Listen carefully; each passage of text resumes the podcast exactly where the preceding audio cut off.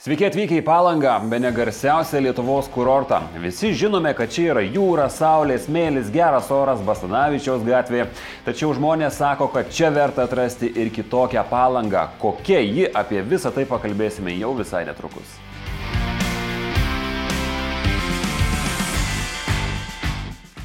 Atvykome į Palangą ir Palangoje Šliupo muziejuje mus pasitinka Agnė Grigalauskė, vietos Šliupo muziejaus projektų koordinatorė. Sveiki, gyvi Agnė. Sveiki. Pirmiausiai, laukia mūsų, aš esu tikras, įspūdingas pasakojimas apie šį legendom apipintą miestą, bet pirmiausiai apie tai, kur mes esame. Šliupo muziejus, ką žmonės turėtų žinoti apie jį? Šliupas buvo pirmasis palangos burmistras, kas e, priliksta dabartiniam merui, atvažiavo e, žmogus iš Šiaulių prieš tai aplankęs visą pasaulį, Amerikoje skatinęs lietuvybę ir e, tapęs burmistrų merų, ėmėsi įvairių dalykų, kaip pagerinti palangoj gerbuvį. Tai e, gavosi viskas taip, kad palangoje žmonės, palyginus su visą Lietuvą, mažiausiai mokėjo už elektrą, kas yra, manau, labai svarbu netgi šiais laikais. Ir jisai gyveno šitame name, jį čia atviliojo jauna žmona, kuri buvo net 40 metų jaunesnė, Grasilda. Ir čia jisai dirbo labai daug rašė, buvo pirmasis aušros redaktorius. Ir po to tiesiog prieš antrą pasaulinį karą pasitraukė į užsienį, bandė trauktis į užsienį, kur pakeliu Berlyne mirė. Tai, va. tai muziejus yra apie jį, apie jo gyvenimą, apie išeivijos lietuvius ir visus kitus dalykus, kas susijęs su šiuo svarbiu palangai žmogu. Muziejus, sakote, yra apie šliupą, o apie ką jums yra palanga? Man palanga yra apie gamtą, gerą orą, lėtą ritmą gyvenimo, kas man labai patinka, ir tyles žiemas ir labai garsias vasaras, turbūt taip. Daugeliu žmonių aš įsivaizduoju, kad palanga yra apie Basnavičiaus gatvę, net ne apie jūrą galbūt. Bet e, aš esu tikras, kad tikras palangiškis e, prieštarauja ir netgi pyksta dėl tokio požiūrio kartais daugelio turistų, ar ne? Ir palangoje yra labai daug ką pamatyti ir be to. Ką siūlytumėt pirmiausiai pamatyti palangoje? Pirmiausiai tai turbūt e, nueiti pasisveikinti su jūra. Nes jūra tai va toks kraštovaizdis, kuris E, visiškai nėra pasikeitęs ir per šimtą, ir prieš šimtą, ir prieš belė kiek metų. Ir tada nueiti į parką, įsikvėpti tos ramybės ir tada galbūt jau bandyti eiti į, į Basanavičiaus gatvę ar kažkokias kitas. Tik po to į Basanavičiaus Taip, gatvę. Taip, turbūt pirmas relaksuoti, tada. O siūlytumėt tą bokso tikriausią legendinę, kaip labai palangiškiai mėgsta ir visi ten atvykėliai.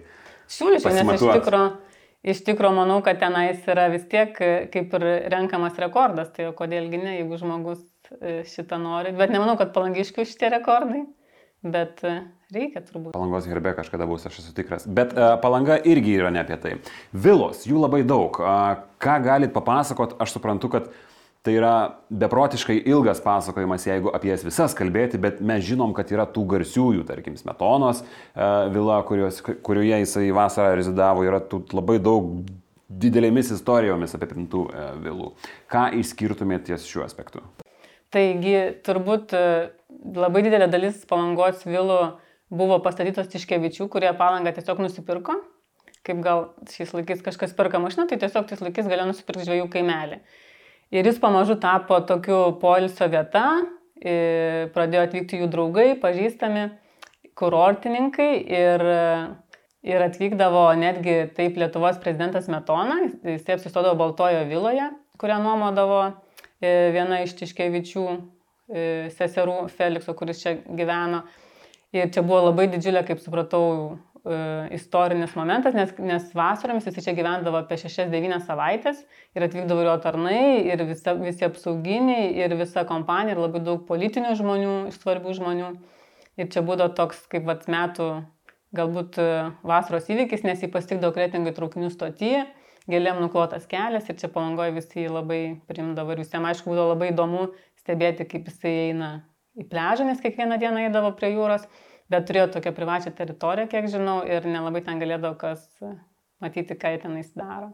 Dar viena iš tokių įspūdingesnių vilų yra Anapilio vila, kuri priklausė e, Tiškevičių mamai, Sofijai. Ta vila apipinta tokiom legendom, nes ten iš tikrųjų aš pažįstu dar dabar žmonių, kurie sako, kad ten vaidenasi, nes e, bokšte e, kalbama, kad pasikorė e, tarnaitė. O ta pati Sofija irgi buvo tokia keista, kviesdavo vėlės, e, sakoma, turėjo tokį veidrodžiais apstatytą kambarį, kur ale pakviestos vėlės nebe, nebemokėdavo grįžti, tai dėl to irgi ten tokia keista vieta. Ir dar tenais būdavo vėjo vargonai, nes jai buvo blogai su sveikata tai Sofijai motinai ir jinai tenais eidavo kaip ir polisiauti, atsigauti ir visi vietiniai dažniausiai šitą vietą apeidavo ir turbūt taip ir liko tas pavadinimas Anapilis. Bet Anapilis, e, kaip Lietuva atgavo priklausomybę, tapo labai ypatingų muzikinių klubų, kur koncertavo ir Andrius Mamontovas, ir Kernagis, ir toks buvo kaip e, laisvės laisvės atgimimo simbolis, nes žmonės ne tik viduje susirinkdavo į koncertus, bet ir laukia, ant kalnelio, kas negalėdavo mokėti tame tarpe. Ir aš atsimenu, buvau, kai buvau paauglė, mes klausydom tų koncertų. Tai tokia tikrai ypatinga vieta. Bet Anapelis ir pavadinimas viens pats jau baugiai skamba. Tai ar čia nuo tų praeities istorijų viskas? Taip, atėjo? nuo tų praeities istorijų. Žinau, netgi pažįstu žmogų, palangišį, kuris ten sargavo, kai dar nebuvo Anapelis muziejus, ko jis dabar yra miestas. Kiek jis laiko dirbo savo pozicijoje? Neilgai, man atrodo. Ir irgi minėjau, dar su šuniu, netgi taigi gyvūnai tai neapgauna, kad ką jie jaučia, ką mato ir ten tikrai ir buvo ir garsų, ir vaizdų. Tai tokia va ypatinga ta vila, taip ir liko. Nenorėčiau ten dirbti. Dar yra irgi tokio šveicariško stiliaus vila Jūros akis. Jis yra Basanavičius gatvėje. Jis irgi ypatinga, nes ten buvo įrengtas didelis restoranas tais laikais, tarpu kurio laikais. Tai dar yra iš tikro, kaip ir minėjau, Tiškevičių pastatytos po to vėliau kažkam perleistos vilos palangoj, tokios kaip Pelėda, e, Baltasis Angelas yra pati seniausia, sakoma, vila. E, tada Aldona, kur irgi minima, kad buvo Tiškevičių rezidencija, Pajauta, Vilija, Vaidilutė. Ir tų vilų iš tikrųjų yra labai daug ir jeigu kažkas domisi tą vat praeitim, nes man pačiai labai įdomu tas tarpukario gyvenimas gal labiau negu architektūra, tai Palangos turizmo informacijos centras yra parengęs įvairius maršrutus labai įdomius, kur tikrai galima susipažinti su tom vilom, kurių yra begalė čia nais palangoje. O žmonės linkia susipažinti su tom, nes šiaip palangoje e, įvairiausių pramogų atrakcijų yra labai daug. Bet šalia to yra dar ir istorija, apie kurią jūs dabar ir kalbate. Ar žmonės linkia ieškoti tos istorijos ir domėtis ją? Manau, čia truputį ir nuo amžiaus priklauso, nes aš vat, kaip pati save atsimenu, kaip čia su paauglystės metu su draugiam atvažiuodom, tai tikrai nerūpėjo tos vilos, rūpėjo pramogos, bet teko truputį dirbti turizmo info centre, tai tikrai žmonės domisi ir kuo toliau, tuo labiau. Ir dar labai smagu, kad pavyzdžiui, e, nes kiekviena vila, dauguma vilų buvo taip pat skirtos kažkokiai profesijai, tarkim, vaistininkų vila, e, karininkų vila. Ir e, netgi tie žmonės, kurie dabar tas vilas atstatė, tenais atkūrė, jie labai didžiuojasi ir irgi pasakojo, kas ta vila buvo.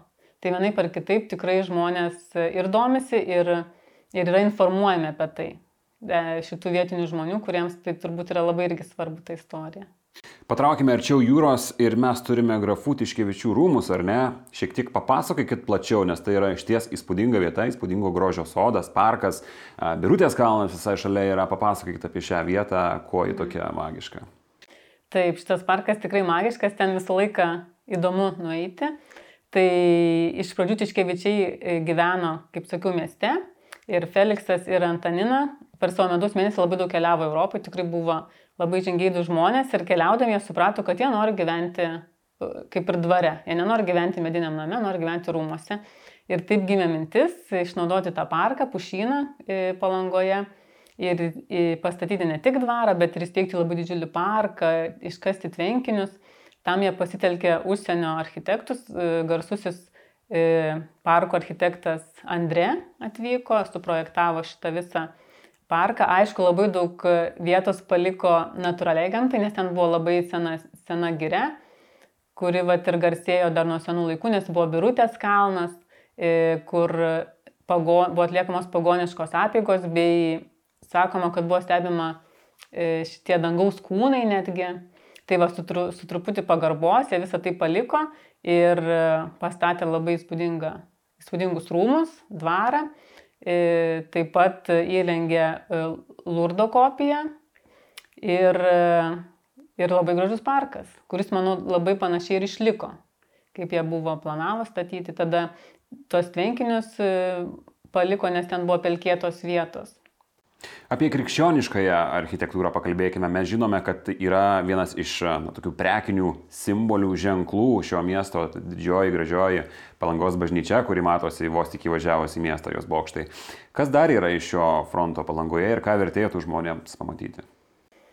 Tai turbūt šventoje esanti Švenčiausios Marijos mergelės jūrų žvaigždės. Bažnyčia jinai nėra sena, bet labai tikrai įspūdingos architektūros, toks galbūt net kaip laivas, didžiulė, didžiulis bažnyčios pastatas, jinai gana nauja, pastatyta 2003, man atrodo, tik tais metais, bet e, ir viduje labai daug erdvės ir pati labai va, tinkanti architektūra lietuvių architektų tam kraštovaizdžiui, nes šventoji tai juo labiau labai visiems asocijuojasi su jūra, tokia laisvė, žvėjais.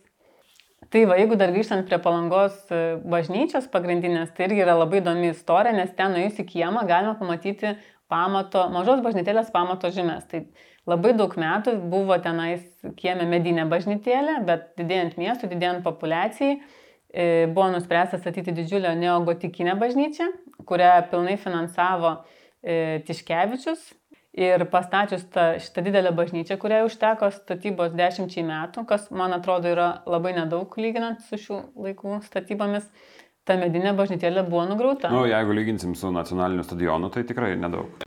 Tai va, labai greitai pastatė tą bažnyčią, tą medinę bažnytėlę išardė, nugrovė ir, ir dabar šitai bažnyčiai tikrai yra apie šimtas virš šimtas metų. Tai realiai E, jeigu žmonės prieš šimtą metų važiavo į Palangą, matė tą patį vaizdą, kurį mes matom dabar, kaip pirmiausia pamatom bokštą. Tai dar vienas objektas, kurį verta aplankyti Palangoje, yra Palangos Luteronų bažnyčia. Jis yra pietinėme rajone, ne centre, truputį reikėtų iš centro išeiti, bet tikrai verta aplankyti ir ją.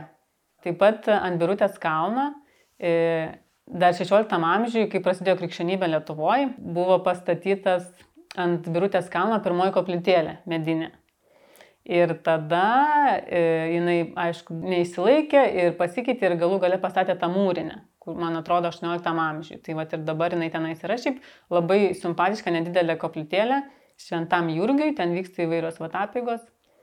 Tai ten turbūt žmonėm, kurie domisi tais krikščioniškais keliais, visai būtų įdomu apsilankyti. Daugelis miestų turi savo e, senamieščius, palangoje tokia istorinė miesto dalis galbūt nėra e, kažkokia garsi ar visiems žinoma, ar yra vis tik tokia miesto dalis palangoje?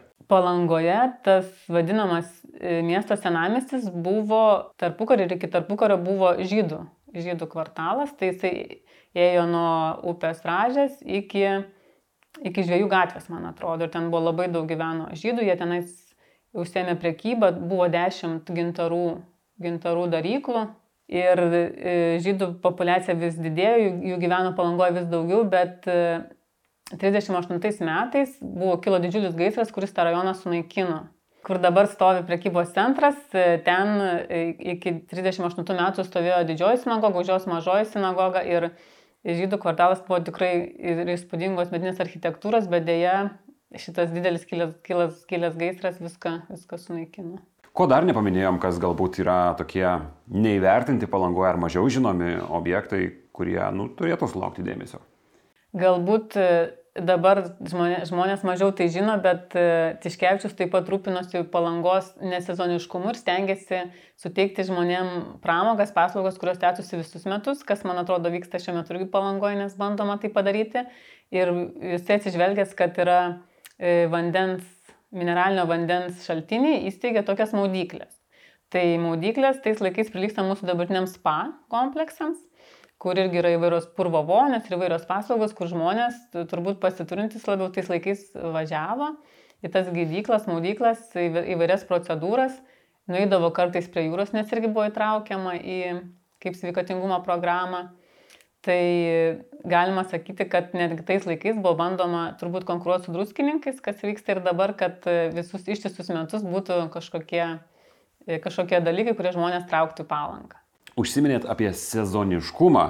Kokia jums, žmogui, kuris gyvena palangoje, palanga iš tikrųjų yra gražiausia, patogiausia, mieliausia galbūt? Nežinome, kad vasara čia iš tikrųjų yra labai daug žmonių, ar ne?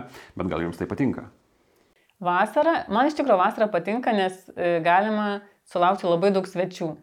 Nes netgi tie žmonės, kurie sako, ai, šį palangą nevažiuoju, tu vis tiek juos sutinki netyčia kur nors.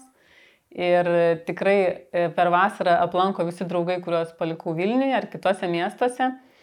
E, man vasara vis tiek patinka, nes yra šiluma. Tiesiog vasara atsargiau renkamasi maršrutai, kaip, kaip privažiuoti prieiti prie jūros.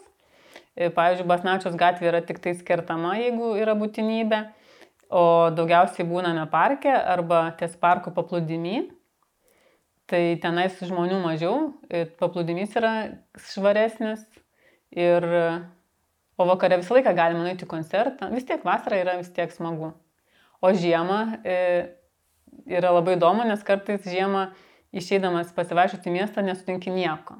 Tai irgi gali įsivaizduoti, kad esi, pavyzdžiui, miesto, miesto savininkas, tau priklauso miestas, nes tiesiog eini tuščiomis gatvėmis ir namais. Tai esi Tiškevičius. Taip, galima taip įsivaizduoti žiemą. Bet aš teisingai suprantu, kad iš viso to, ką jūs pasakojat, Palanga turi labai daug įdomybių ir praktiškai visomis jomis, na išskyrus jūrą, ko gero galima mėgautis visais metų laikais. Taip, taip ypač, ypač jeigu domisi žmonės architektūra, gamta, e, vat yra dar tokios vilos kaip e, Antano Mončiaus muziejus, skirtas šitam menininkui, kuris galbūt neturėjo sąsajų su palanga, gyveno šiandien netoliese, bet padanojo Lietuvai visą savo modernių skulptūrų kolekciją ir yra jo muziejus, pasasas irgi ypatingos XIX amžiaus pabaigos architektūros, bet yra ir tokių dalykų, kaip pavyzdžiui, kas nesekė tarpukurio, tai pavyzdžiui, Brežnevo vila dabar vadinama Auska, nes e, jinai buvo pastatyta specialiai ypatingiams e, Rusijos Sovietų sąjungos žmonėms, e, jos užimtumą visiškai kontroliavo Maskva ir netgi jeigu žmonės sakydavo, kad jie ten atostogaus, kažkokie generolai, tas pats Brežnevas, tai nereiškia, kad jie dar ten atostogaudavo. Bet Brežnevo nebuvo ten. Bet yra tikima, kad Brežnevo ten nebuvo, kad jisai iki tenais neprivažiavo. Bet buvo labai stengiamasi, man atrodo, tais laikais, kad jį privilioti įvairiais dalykais, kaip pavyzdžiui, baseino vandenį pumpuodavo iš jūros, kad jisai būtų E, pats šviežiausias ir suriausias, čia tikrai didžiulė prabanga tais laikais. Ir visas interjeras buvo labai ypatingas, bet man atrodo dėja taip. Nebent jisai buvo, bet mes to nežinom. Tai dabar šita vila, tokia tarybinių laikų vila, yra prieinama visiems, nes e, seniau jinai buvo uždara, privati teritorija, dabar nėra vartų, tai žmonės ten gali tikrai drąsiai eiti ir apeiti tą pastatą, nes pro langus matosi ir tie baseinai, ir interjeras, ir apžiūrėti. Tai nemari palangos klasika taip pat yra ir palangos e, tiltas. Kaip jis atsirado ir, ir, ir kada? Ir kas buvo atsakingas už jo statybas? Taip, tiltą irgi pastatė Tiškevičiai, tik jo paskirtis buvo kita, tai nebuvo skirtas žmonėms, o buvo skirtas e, laivams prisišvartuoti ir e, vežti, plukdinti plytas į Lepoją. Nes palangoje Tiškevičiai gamino plytas. Tada iš Liepojos tie patys laivai plukdindavo maisto prekes ir įvairius dalykus ir ant tilto žmonės negalėdavo užlipti. E, vėliau, kaip Liepoja pasistatė savo plytinę, šitas verslas nutrūko, bet tada žmonės, žmonės norėdami patekti ant tilto turėdavo mokėti tam tikrą sumą pinigų. Ir tik po to, man atrodo, tarpukario, tarpukario pabaigoje jau buvo nuspręsta tiltą atiduoti žmonėms. Šiais laikais, kai mes nuvažiuojam į palangos e, pležą, e, išsimaudyti, pasideginti, šiek tiek paulėti, palisėti. Ar tokį vaizdą žmonės matydavo ir anksčiau, kokį mes jį matome dabar paplūdimyje palangos? Ne, tais laikais paplūdimys buvo padalintas.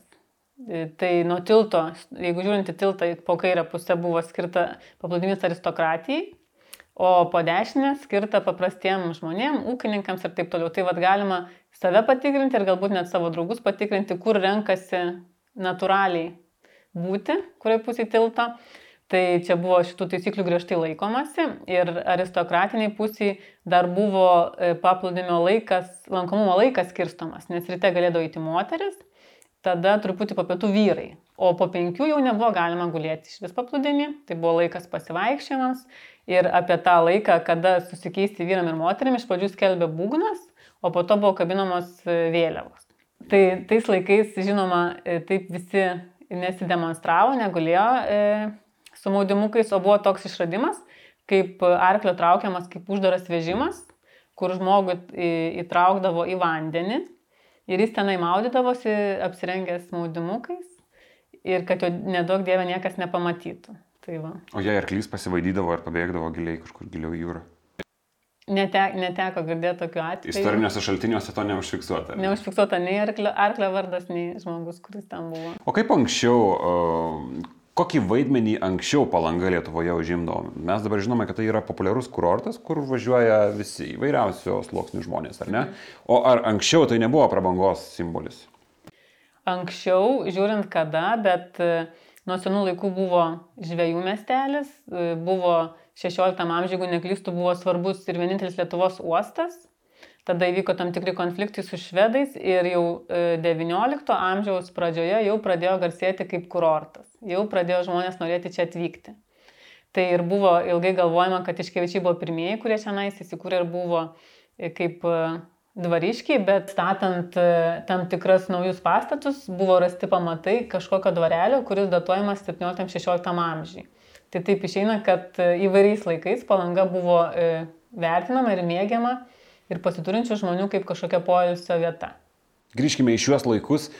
Ar yra pastebima, kad po truputį keičiasi žmonių požiūris į palangą? Ne mes žinome tuos stereotipus, kad palanga yra jūra, Basnavičiaus gatvė ir viskas. Bet mes žinom, kad čia yra labai daug ką pamatyti. Ar keičiasi žmonių požiūris, ar jie ieško to? Keičiasi ir iš tikro net teko girdėti Aišku, čia galbūt tai palangišiai kalba, kad dabar palanga yra ant bangos labiau net negu nida.